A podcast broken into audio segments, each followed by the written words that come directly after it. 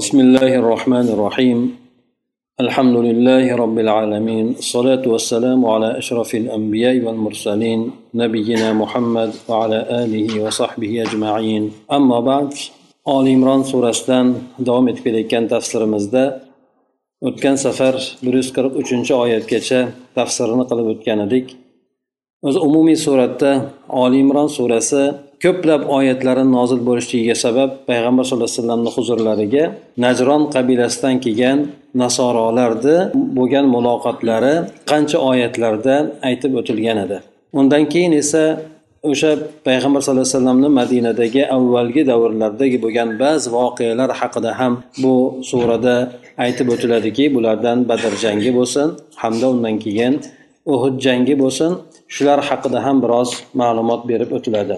Demak biz hozir aytib o'tayotgan oyatlar asosan shu uhud jangida musulmonlarni ustiga tushgan musibat hamda o'sha musibatni hikmati shu haqida o'tgan safargi darslarimiz darsimizda aytib o'tgan edik. Demak undan keyingi oyatlarda alloh taolo mo'min odamlarni mushriklar bilan bo'lgan jangida bir birinchisi badr jangida g'alaba qilib uhud jangida mag'lub bo'lganligi bu narsalari alloh taoloni shu yerdagi bo'lgan qonuni ekanligi buni ortidan esa alloh taolo mo'minlarni ba'zilarini bir tomondan gunohlardan poklashligi ularni ustiga tushadigan musibat sababli yoki bo'lmasa bularni o'zini huzurida shahid qilib olishligi shu masalalarni ham o'tgan safargi darsimizda aytib o'tgan edik. Ana endi undan keyin alloh taolo bir yuz qirq ikkinchi oyatda aytib o'tadiki am hasibutum an tadkhulul jannata walamma ya'lamillahu alladhina jahadu minkum va ya'lamas sobirin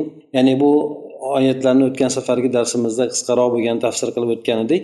Bu yerda alloh taolo jannatga kirishlik insonni judayam yuqori orzusi ekanligini bayon qilib o'tadi. Ya'ni sizlar jannatga kirishlikni o'ylaysizlarmiki? Hali alloh taolo sizlardan jihod qilayotgan kimsalarni shu bilan birgalikda sabr qiluvchi bo'lgan kimsalarni bilmasdan turib ularni ajratib olmasdan turib deb alloh taolo aytadi. Demak jannat insonni eng oliy maqsadi eng oliy g'oyasi bo'ladiki alloh taolo mana shu narsani bu oyatda keltirib o'tdi. Bu jannatga kirishlikni sabablaridan esa inson jihodda bardavom bo'lishligi hamda boshiga yetadigan har xil musibatlarga sabr qilib harakatida davom etishligi shu insonni jannatga kirishligiga sabab bo'ladi. Bundan tashqari alloh taolo jannatga kiradigan kimsalarni albatta imtihon qiladi.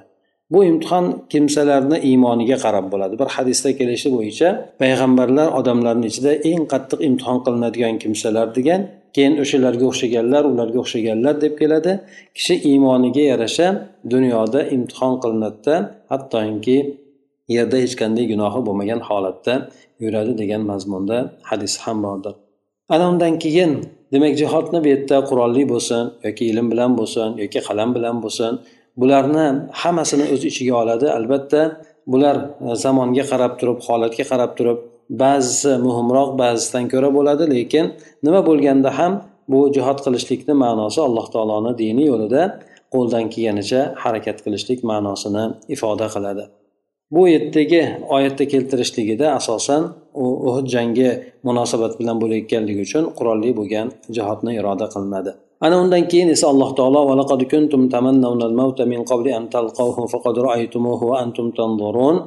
ya'ni odam tinchlik bo'lib turgan paytida har xil gaplarni gapiraveradi.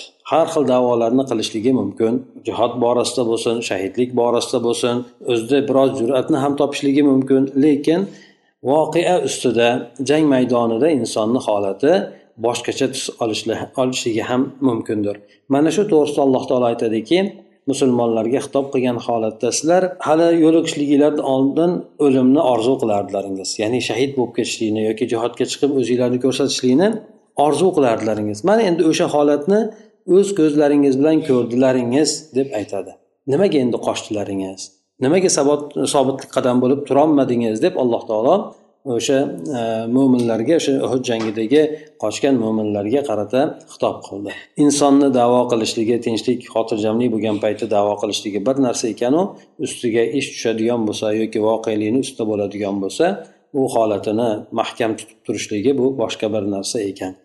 Ana undan keyin alloh taolo aytib o'tadiki vama muhammadun illa rasulun qad xalat min qablihi rusul afa immata qutilan qalabtum ala aqobikum ومن ينقلب على عقبيه فلن يضر الله شيئا وسيجزي الله الشاكرين محمد صلى الله عليه وسلم bu kishi ham bir payg'ambardir rasuldir u kishidan oldin ham rasullar o'tgan endi u kishi vafot etadigan bo'lsa yoki qatl qilinadigan bo'lsa orqalaringizga qaytib ketasizlarmi ya'ni dindan chiqib ketasizlarmi kimki dindan chiqib ortiga qaytib ketadigan bo'lsa alloh taologa biron narsada zarar berolmaydi.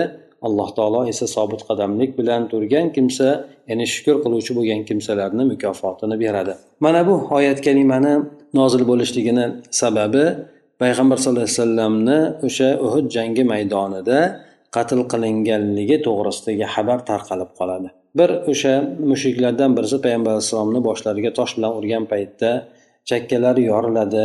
O'sha dubulg'alari nimasiga kirbi ham ketadi. O'sha odam keyin keyin men muhammadni o'ldirdim deb turib gap tarqatadi. Bu ayni gap tarqalishligi musulmonlarni mag'lubiyatga uchrayotgan holatida bo'ladi. Judayam bir dahshatli bo'lgan holatda bo'ladi. Ana o'shanda bu xabarni eshitgan musulmonlardan ko'pchilik qismi ya'ni tarvuzi qo'ltig'idan tushadi. Nomutlikka uchrab qoladi. Lekin mana bu yerda tafsirda aytib o'tamiz ba'zilar mustahkam turib o'sha payg'ambar alayhissalom nima ustida jang qilgan bo'lsa sizlar shu o'sha narsa ustida jang qilinglar payg'ambar alayhissalom vafot etgan bo'lsa sizlar ham nima qilasizlar u kishidan keyin yashab o'sha yo'lda vafot etinglar deb turib ba'zi sahobalar aytishadi.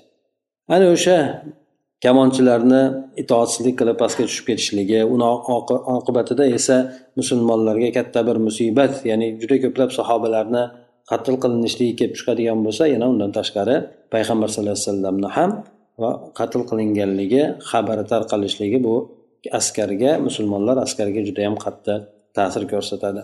Ana hattoki shu darajaga yetib bordiki bu yerda alloh taolo aytdi agar payg'ambar vafot etadigan bo'lsa qatl qilinadigan bo'lsa orqalaringizga qaytib ketasizlarmi deb aytishligini sababi ham shu yerda. Ya'ni payg'ambar go'yoki bu dinni kimsa kimlardir? Payg'ambar sallallohu alayhi vasallamni shaxsiyatiga bog'lab qo'ygan edi. Ana o'sha narsani alloh taolo inkor etgan holatda bu din hech qaysi bir kimsani shaxsiyatiga bog'lanmaydi. Garchi u payg'ambar bo'lgan taqdirida ham demak kimsa keladi ketadi. Hatto payg'ambar bo'lgan taqdirda ham lekin alloh taoloni dini abadiy boqiy qoladi. Ibodat qilinuvchi bo'lgan zot alloh taolo esa o'lmasdan barhayot bo'ladi degan mazmunda buni keltirib o'tadi. Ana endi mufassirni biroz tafsiriga murojaat qiladigan bo'lsak aytadiki وما محمد إلا رسول قد خلت من قبله الرسل أفإن مات أو قتل انقلبتم على أعقابكم. أي ليس محمد صلى الله عليه وسلم إلا رسول. مضت قبله رسل كثيرون وليس إلها حتى لا يموت. فهل إذا استشهد أو مات رجعتم عن دينكم وارتددتم عن الإسلام؟ يعني محمد صلى الله عليه وسلم yo'g'i bo'lsa bir payg'ambardir u kishidan oldin ham juda ko'plab payg'ambar rasullar o'tgan u kishi iloh emas. Hattoki o'lmasligi uchun demak o'lmaydigan bo'lishligi uchun u kishi iloh emasdir. Endi payg'ambar sallallohu alayhi vasallam hayot mobaynida mabodo shahid bo'lib ketadigan bo'lsa yoki vafot etib ketadigan bo'lsa sizlar nima dinlaringizdan qaytib islomdan burilib ketasizlarmi deb alloh taolo demak bu oyatlarni oyatlarda bayon qiladi. Bu yerdagi demak payg'ambar sallallohu alayhi vasallamni bu sifatda aytilishligi voqeasini aytib o'tdik. Bu judayam o'sha yerda jang maydonida judayam qattiq ta'sir qilgan edi. Alloh taolo ayni bu oyatlarni nozil qilishlik bilan mabodo payg'ambar sallallohu alayhi vasallam hayot mobaynida bir paytda vafot etadigan bo'lsa sizlar dinda mahkam turinglar chunki din bu payg'ambar alayhisalom shaxsiyatiga bog'liq bo'lmagan degan mazmunni ifoda qiladi. Shu bir paytlarida payg'ambar sallallohu alayhi vasallamni Э, ajallari kelib vafot etgan paytlarida hatto mana sahobalar judayam qattiq tushkunlikka tushadi. Umar roziyallohu anhu hatto qilichini ko'tarib olib kim muhammad o'ldi deydigan bo'lsa uni o'ldiraman degan mazmunda judayam qattiq turadi. Hattoki abu bakr roziyallohu anhu keladi payg'ambar alayhissalomni oldiga ya'ni e, kiradi kirib turib payg'ambar alayhissalomni peshonalaridan o'pib ya'ni siz hayotingizda ham juda bir xushbo'y ya'ni juda xushsurat edingiz vafotingizda ham o'shandaysiz deb turib keyin tashqariga chiqib turib umar roziyallohu anhuga gapiradi umar esa payg'ambar abu bakrga gaplariga quloq ham solmaydi keyin keyin odamlarga abu bakr roziyallohu anhu xitob qilib aytadiki o'sha ayni yuqoridagi bo'lgan oyatni o'qigan holatda وما محمد إلا رسول قد خلت من قبله الرسل أفإن مات أو قتل انقلبتم على أعقابكم shu oyatlarni o'qib turib odamlarga xutba qilib gapiradi. Shunda umar roziyallohu anhu aytadiki bu oyatni go'yoki endi birinchi marta eshitib turgandek edim deydi hatto shu oyatni eshitgandan keyin aytadi oyoqlarimda mador qolmadi yiqilib qoldim deydi yu bularga o'sha payg'ambar alayhissalomni vafot etishligi judayam qattiq ta'sir qilgan bo'ladi.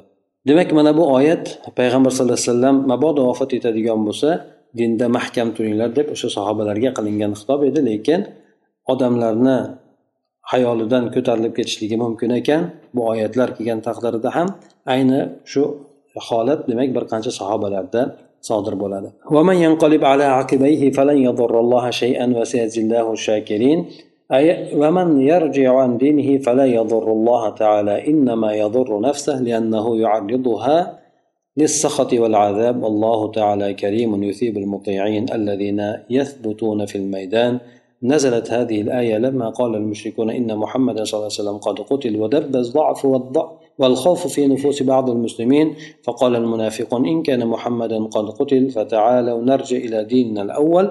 وسبب هذه الإشاعة أن عدو الله ابن قميئة لما رأى رمى رسول الله صلى الله عليه وسلم بحجر فشج وجهه وكسر رباعيته وظن ظن أنه قتل الرسول صلى الله عليه وسلم. فنادى بين الناس لقد قتلت محمدا وصرخ صارخ. ألا إن محمدا قد قتل؟ فقال أنس بن نظير رضي الله عنه يا قوم إن كان محمد قد قتل فإن رب محمد حي لا يموت وما تصنعون بالحياة بعد رسول الله صلى الله عليه وسلم؟ فقاتلوا على ما قاتل عليه ثم شد بسيفه فقاتل حتى قتل.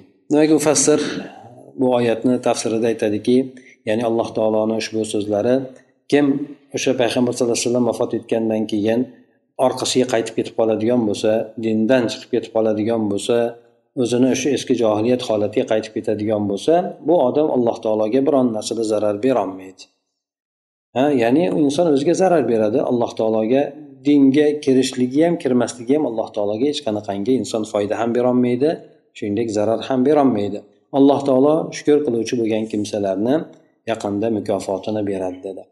Hop shukur qiluvchi kimsalar demak o'sha tili bilan bo'lsin e, butun e, qalbi bilan bo'lsin jasadi bilan bo'lsin butun holati bilan shukur qiluvchi bo'lgan kimsalarni mukofotini beradi. O'sha shukur qiluvchilarni jumlasiga o'sha badr jangi e, uhud jangida mustahkam turgan kimsalar birinchi navbatda kirishadi. Mufassir aytadiki ya'ni kim dinidan qaytib ketadigan bo'lsa bu alloh taologa biron narsada zarar berolmaydi balki o'ziga zarar beradi. Chunki o'zini alloh taoloni g'azabigayu azobiga giriftor qilib qo'yadi inson. Alloh taolo karim bo'lgan ulug' bo'lgan saxovatli bo'lgan zotki kim itoat qiladigan bo'lsa o'shalarni mukofotini beradi. Bu kimsalar o'sha jang maydonida sobit qadam turib itoat qiluvchi bo'lgan kimsalarni mukofotini alloh taolo beradi. Maydonda qancha bir sahobalar mustahkam qolgan lekin ko'pchiligi demak haligi inson kutmagan narsa sodir bo'lib qolganda o'zini nimasini yo'qotib qo'yadi ya'ni kontrolni ham yo'qotib qo'yadi. Ana o'shanday bo'lgan holatda nima qilishni bilmasdan ko'pchilik sahobalar orqaga qaramasdan chekinib qolishadi qochib qolishadi. Bu oyat karimani nozil bo'lishligi shunday bo'lganki mushriklar aytishgach ya'ni muhammad sallallohu alayhi vasallam qatl qilindi deb aytgan paytida bu lekin ba'zi musulmonlarni nafslariga ham qo'rquv zaiflik kirib qoladi.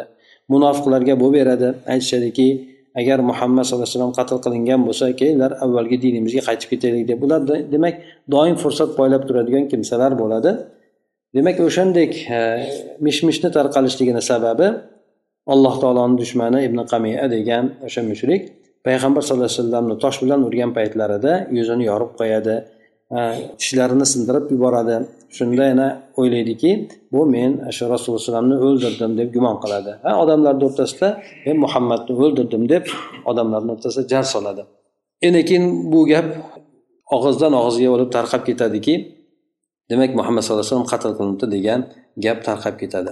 Shunda anas ibn nazir roziyallohu anhu bu kishi aytadi. Anas ibn nazir roziyallohu anhuni qisqacha e, hayoti shundayki bu anas ibn malik roziyallohu anhuni amakilarimikan yoki tog'alarim amakilari bo'ladi. Bu kishi badr jangida ishtirok etolmay qoladi. Ishtirok etolmay qoladi. Chunki musulmonlar badr jangida jang uchun emas balki karvonni ushlab kelishlik uchun chiqishgan yo'lni to'sishlik uchun chiqishgan bo'ladi. Shunda payg'ambar alayhissalom kim tayyor bo'lsa chiqsin deganda tayyor bo'lgan sahobalar chiqib ketadi. Unga alohida bir odamlarni chaqirib jalb qilmagan bo'ladi. Shunda anas ibn roziyallohu anhu shu jangdan qolib ketgandan keyin qattiq o'ziga qasd qilib aytadiki parvardigor olam agar men keyingi jangda ishtirok etadigan bo'lsam e, men o'zimni kim ekanligimni ko'rsataman deb turib bu kishi o'ziga qasd qiladi. Ana o'sha jangda judayam qattiq olishadi. Shunda e, bu kishi ham ya'ni o'sha aytgan gaplarni orasida bo'ladiki ey qavm e, agar muhammad sallallohu alayhi vasallam qatl qilingan bo'lsa muhammad sallallohu alayhi vasallamni robbisi vafot etmaydigan barhayot bo'lgan zot endi payg'ambar sallallohu alayhi vasallamdan keyin hayotda nima qilasizlar yashab turib o'sha kishi jang qilib e, qilgan narsani ustida sizlar ham jang qilinglarda deb qilichini mahkam tutadida jang qilib hatto qatl qilinadi. Ya'ni bu kishini tanib bo'lmaydigan darajada qatl qilinadi. Hattoki bir e, singlisimikin bir belgi alomatidan tanib qoladi xolos. Ha ya'ni badandagi bo'lgan qo'ldagi bo'lganmikan alomatdan taniydi. Ya'ni tanib bo'lmaydigan holatga tushib qolgan bo'ladi. Ya'ni ko'p jarohatlanganligidan. Alloh taolo aytadiki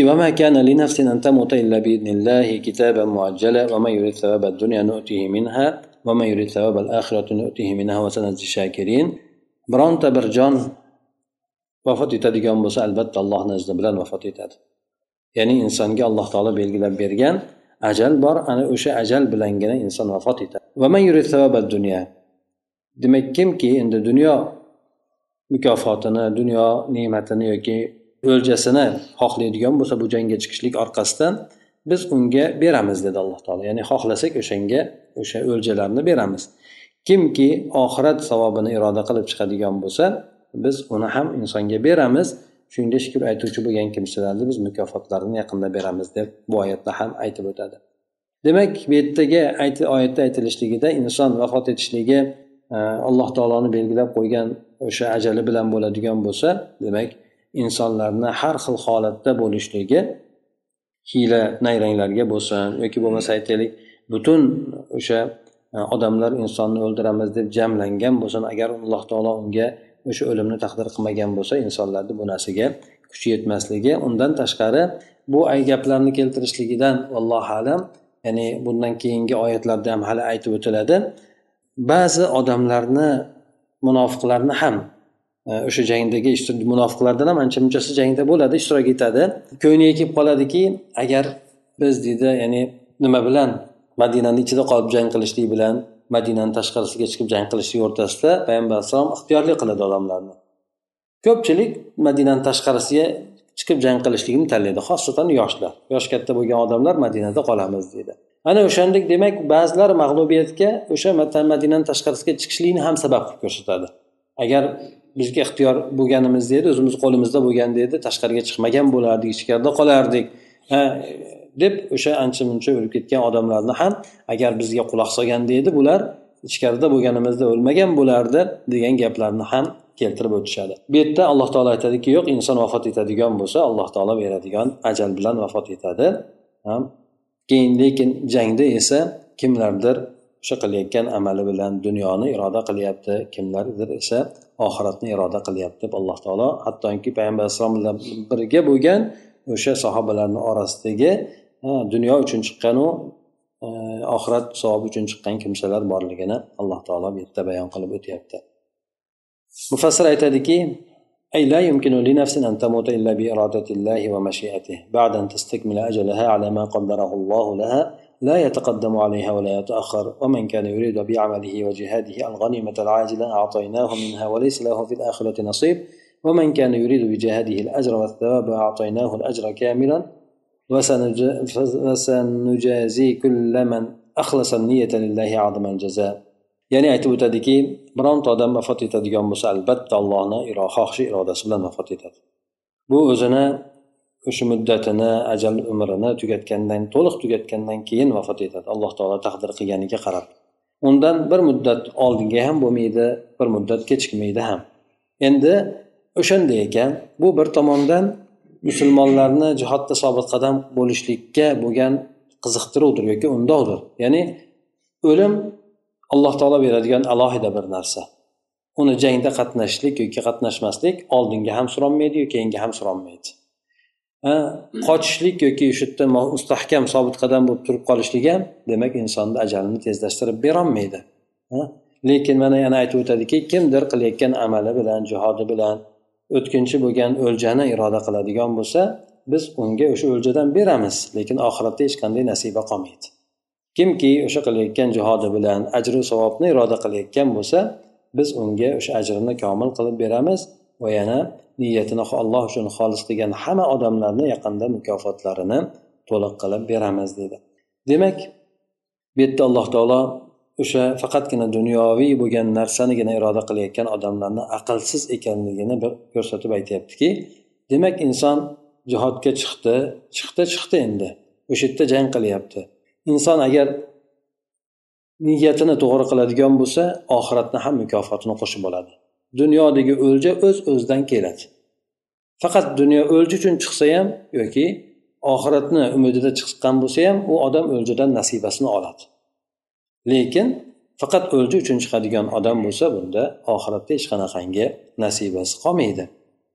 Bu oyat demak o'sha o'ljalarga qiziqib chiqqan odamlarni bir qiyin bir holatga qo'yishlikdir.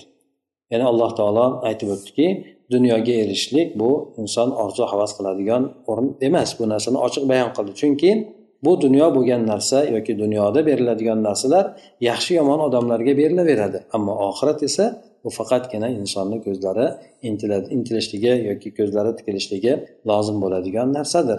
Chunki oxirat bu boqiy qoladi hamda dunyo esa o'tkinchi bo'lgan narsadir dedi وكأي من نبي قاتل معه ربيون كثير فما وهنوا لما أصابهم في سبيل الله وما ضعفوا وما سكنوا والله يحب الصابرين. أي وكثير من الأنبياء قاتلوا لإعلاء كلمة الله وقاتل معهم جموع كثيرة علماء ربانيون فلم يضعفوا لما أصابهم من القتل والجراح في سبيل الله ولم يذلوا ويخضعوا لعدوهم. والله سبحانه يحب الصابرين على مقاسات الشدائد والأهوال في سبيل الله. ana undan alloh taolo mo'minlarni yana bir tomondan ko'nglini ko'tarishlik uchun ikkinchi tomondan esa ularni mustahkam sobit qadam turishlik uchun quyidagi oyatlarni keltirib o'tadiki qancha qancha payg'ambarlar o'tgan? Qancha qancha payg'ambarlar o'tganki ular jang qilishgan ular bilan birga judayam ko'plab jamoalar bo'lgan ya'ni o'zini tobiylari bo'lgan. Bu kimsalar o'zlariga ollohni yo'lida yetadigan narsalarga hech qanaqangi zaiflik qilishmagan. Bular o'sha narsalar ularni sindirib ham qo'ymagan va ular dushmanlarga bo'ysunib ham qolmaganlar. Alloh taolo sabr qiluvchilarni yaxshi ko'radi deb oyat karimada aytib o'tadi. Demak bu yerda bu sizlarga ey musulmonlar sizlarga mag'lubiyat bo'ldi. Bu mag'lubiyat nafaqat sizlarga balki o'tgan ummatlarni orasida ham bu narsalar bo'lgan edi. Qancha qancha payg'ambarlar ular bilan birga o'sha ribbiy bo'lgan ribbiy deganda ikki xil ma'nosi bor. Birisi jamoalar degan ikkinchisi rabboniy bo'lgan. Olimlar ya'ni juda yam ibodatgo'y bo'lgan e, ilmli bo'lgan kimsalar ma'nosida ham ma'nosida ham keladi. Demak ikkalasi ham bu yerga tushaveradi baribir. Demak payg'ambarlar o'tgan bo'lsa ular ham jihodga chiqishgan. Ular bilan birga ergashuvchilar ham ko'plab ergashuvchilar bo'lgan. Ularga ham mag'lubiyatlar yetgan lekin bu mag'lubiyatlarga ular e, tushib qolmagan. Yoki bo'lmasa mag'lubiyatlarda zaiflik yoki qo'rquvga tushib qolishmagan. Ular dushmanga o'sha harakatini to'xtatib turib dushmanga bo'ysunib qolishmagan. Demak sizlarga ham shularda ibrat bor. Ha sizlarni ham sizlarga boshinglarga musibat tushgan bo'lsa sizlar ham o'shalar kabi yetgan musibat sizlarni zaiflashtirib qo'ymasin qo'rquvga solib qo'ymasin yoki bo'lmasa sizlarni dushmanga bo'ysundirib qo'ymasin deydi alloh taolo sabr qiluvchilarni yaxshi ko'radi. Ya'ni inson qilayotgan harakatida biron bir musibatga yo'liqib qoladigan bo'lsa musibat uni sindirmasdan yana bardavom bo'lib ketadigan kimsalarni alloh taolo yaxshi ko'radi.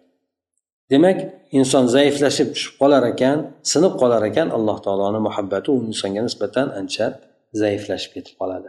Mufassir ham aytadiki ko'plab payg'ambarlar alloh taoloni kalimasini oliy qilishlik uchun jang qilishgan ular bilan birga ko'plab jamoalar ham jang qilishgan robboniy olimlar ham bo'lgan o'shalarni orasida ya'ni judayam ilmli bo'lgan kimsalar bor payg'ambarlar davrida bo'lsin ulardan keyingi davrlarda bo'lsin. Bular lekin o'zlarini boshlariga tushgan qatl bo'lsin allohni yo'lidagi jarohatlanishlik bo'lsin bu narsalar sababli zaiflashib qolishmagan va allohni dushmanlariga bular bo'ysunib xorlik ham xorlik holatiga ham tushmaganlar. Alloh subhanava taolo sabr qiluvchi bo'lgan kimsalarni yaxshi ko'radi. Bular o'sha allohni yo'lidagi bo'lgan dahshatlar bo'lsin qiyinchiliklar bo'lsin shu narsalarga yo'liqishlik ustida sabr qiladigan kimsalarni alloh taolo yaxshi ko'radi deydi. demak bu yerdagi bo'lgan ularni e, bular hammasi asosiy kelganligi ya'ni ma'naviy tomondan ular tushkunlikka tushmagan degani. Ma'naviy ya'ni qalb tomonidan ular qo'rquvga ham tushmadi yoki bo'lmasa qat'iyatlari so'nmadi ham.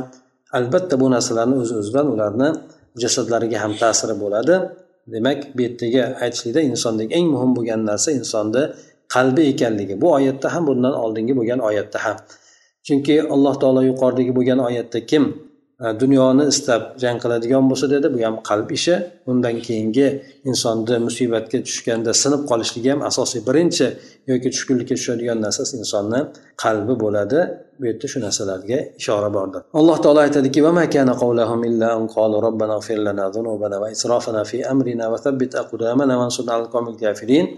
ya'ni o'sha olloh payg'ambarlar bilan birga kurashgan e, jamoalarni gaplari shu bo'lgandiki mag'lubiyatga tushib qolgan paytlarida bular parvardigori olam gunohlarimizni kechirgan va ishlarimizdagi isrofimizni isrof deganda yo haddan oshib ketib qolishlik yoki bo'lmasa e, ba'zi narsalarda kamchilikka yo'l qo'yishlik bo'lsin ana shunday bo'lgan narsalarimizni o'zing kechirgin qadamlarimizni mustahkam qilgan kofir bo'lgan qavmlarni ustida bizga g'alaba bergin deb e, duo qilishardi. Demak o'sha musibatni kelishligini asosiy bo'lgan sababi xuddi uhud jangida bo'lgani kabi qavmni qilgan itoatsizligi yoki gunohlari sababli bo'ladi. Shuning uchun o'sha jamoalar o'zlarini boshiga musibat yetib qolgan paytida darrov alloh taolodan gunohlarimizni kechirgin deb turib yo'nalishardi. Ya'ni gunoh insonlarni o'sha mag'lubiyatiga asosan musulmonlarni mag'lubiyatiga sabab bo'ladi.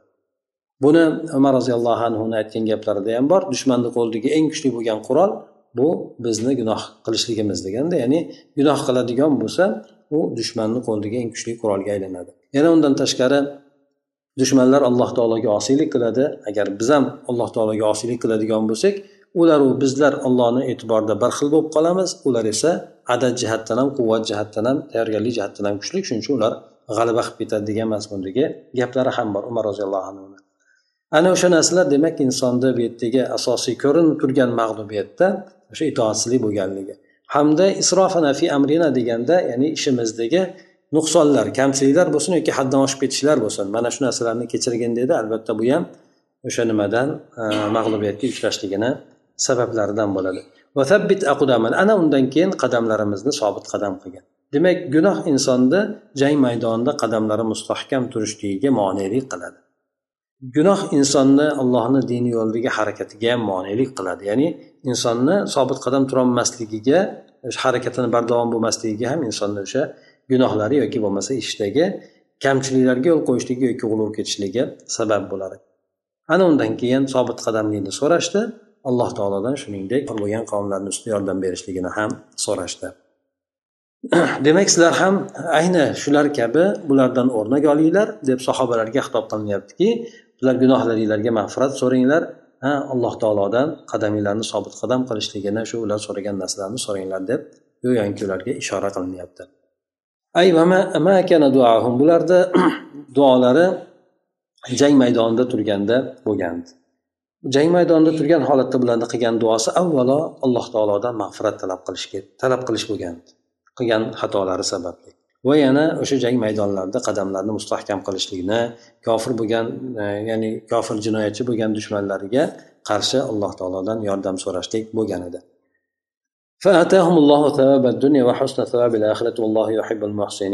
Alloh taolo ularga dunyo mukofotini ham berdi va oxirat savobini ham eng go'zalini ularga berdi alloh taolo. Alloh taolo mana shunday ishini puxta qiladigan kimsalarni yaxshi ko'radi dedi. Demak o'sha payg'ambarlar bilan birga kurashgan kimsalar zaiflik holatiga tushib qolgan paytida darrov alloh taolodan istig'for so'rab qadamlarni sobit qadam qilishligini so'raganida bir mag'lubiyat bo'ladigan bo'lsa keyin alloh taolo tomonidan ularga g'alaba nusratlarni ham berilganligi aytilyaptiki alloh taolo ularga dunyo mukofotini ham berdi ya'ni o'lja bo'lsin boylik bo'lsin boshqa yoki hukmronlik bo'lsin g'alaba bo'lsin bu narsalarni ham ularga berdi alloh taolo. Shuningdek oxirat savobini ham eng go'zalini bularga berdi. Nimaga? Chunki bular har qanaqangi holatda alloh taologa bog'langan kimsalardi. Alloh taolo mana shunday amallarni puxta qiladigan kimsalarni yaxshi ko'rdi. Ya'ni inson xato qiladigan bo'lsa xatosidan tezda qaytib o'sha alloh taologa tavba qilishligi va yana harakatida bardavom bo'lgan kimsalarni alloh taolo yaxshi ko'radi deb aytdi. Ya'ni bu yerda mufassir aytadiki alloh taolo ular uchun dunyo mukofotini ya'ni bu aziz azizlik bo'lsin nusrat bo'lsin g'alaba bo'lsin hamda oxirat mukofoti bu esa allohni yo'lidagi shahidlik bo'ladimi yoki jannatlarga kirishlik bo'ladimi? Mana shu narsalarni o'rtasini alloh taolo ularga jamlab berdi. Alloh taolo mana shunday fazli ehson kimsali bo'lgan kimsalarni yaxshi ko'radi. Bu oyatdan maqsad esa o'tgan payg'ambarlarga hamda ularni mo'min bo'lgan ergashuvchilariga sodir bo'lgan narsalarni bizlarga hikoya qilib berishlikdir.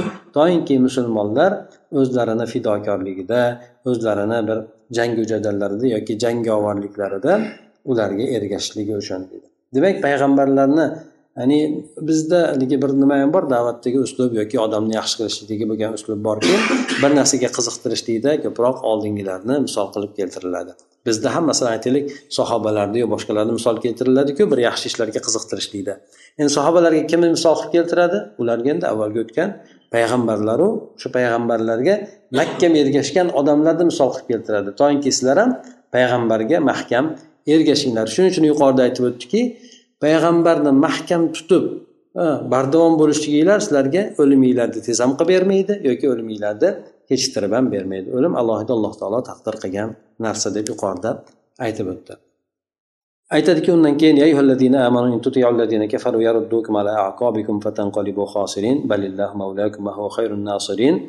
ya'ni ey iymon keltirgan kimsalar agar sizlar kofirlarga itoat qilib qoladigan bo'lsalaringiz ular sizlarni ortlaringizga qaytarib yuboradi. Ana unda ziyonkor bo'lib qolasizlar dediki kofirlar kimlar endi bular? Kofirlardan bu yerdagi alloh alam iroda qilingani asosan munofiqlar hamda boshqa kofirlar endi. Madinaga bular qaytishayotgan paytida albatta gap so'z bo'lishligi tabiiy bo'ldi ham bu narsalar. Ha bu yerda badr jangida ular g'alaba qilganligi uchun ham havas bilan qarardi. Ha munofiqlar ham tili qisiq bo'lib qolgan edi. Ya'ni ozchilik bo'lib ko'pchilikni ustidan g'alaba qilgandan keyin. Endi bular shu holatda madinaga boradigan bo'lsa madinada aytib o'tuvdik uch yuzga yaqin munofiq abdulloh ubay bilan qaytib ketgan. Ha bular nima edi? Ya'ni bu payg'ambar biz aytganimizni qilmasdan yoshlarda aytganini qildi. Kattalarda aytganini qilmasdan deb turib abdulloh ubay qaytib ketgan. U bilan birga uch yuzta munofiq bo'lgan odamlar qaytib ketadi. Ana o'shalarga nima bo'ladi endi? Ha gap so'z o'shalarda o'shuncha bo'ladi. Ya'ni bizga xo'p deganinglarda mana ko'rdinglarmi deb boshqalarga nasihat qilishni boshlaydi. Demak kattalarga xo'p deyglar mana ko'rdinglar o'zinglar deb demak e, odamlarni ancha e, nimasidan susaytirib ya'ni o'zlarini tomoniga moyil qilishlikka harakat qilishadi. Ana o'shandan deb aytyaptiki agar sizlar bundaqangi kofir bo'lgan kimsalarga itoat qilib ketadigan bo'lsanglar ehtiyot bo'linglar orqalaringizga ular sizlarni qaytarib yuboradi ya'ni diniylarga chiqarib yuboradi sizlarni ana unda ziyonkor bo'lib qolasizlar deb aytilyapti. Demak sizlar agar kofir munofiq bo'lgan dushmanlaringizga itoat qiladigan bo'lsalaringiz sizlarga e, ular chiroyli qilib beradigan botil bo'lgan narsalarda ularga itoat qilib ketadigan bo'lsalaringiz sizlarni bo'lib turgan holatlaringizga ya'ni avvalda bo'lgan kufr shirk shu narsalarga qaytarib qo'yishadi sizlarni. Unda sizlar dunyo oxiratinglarni ziyon qilgan bo'lasizlar.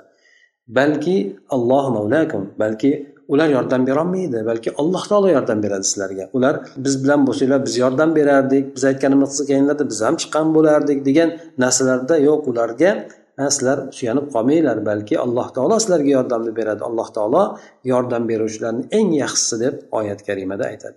Bu yerdagi bal kalimasini ishlatishligi idrob uchundir. Ya'ni idrob degani e, teskari ma'noni ifoda qilishlik uchun. Bu yerda aytgani yo'q. Balillahu mavlakum dedida olloh sizlarni hojanglar dedida yuqorida unga uzoqdan ishora qilib keldi xolos. Bu yerda aytganligi demak alloh taolo sizlarni hojanglar ular sizlarga yordam berolmaydi olloh yordam beradi shuning uchun ularga itoat qilmanglar degan mazmunda keltirib aytyapti. Demak e, kofirlar sizlarni yordam beruvchilar emas ularga itoat qilishinglar uchun balki alloh taolo sizlarni yordam beruvchi zot sizlarga hojinglardir alloh subhanaa taolo eng yaxshi yordam beruvchi eng yaxshi ko'makchi bo'lgan zotdir. Ollohni buyrug'iga itoat qilinglar. Ana o'shanda sizlarga dushmanlaringizga qarshi alloh taolo yordam beradi. Bu yordamlardan birisi bu ham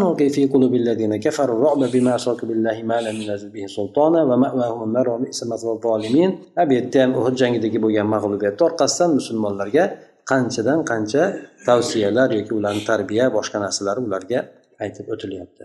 سبحانك اللهم وبحمدك نشهد ان لا اله الا انت نستغفرك ونتوب اليك اللهم انفعنا بما علمتنا وعلمنا ما ينفعنا وزدنا علما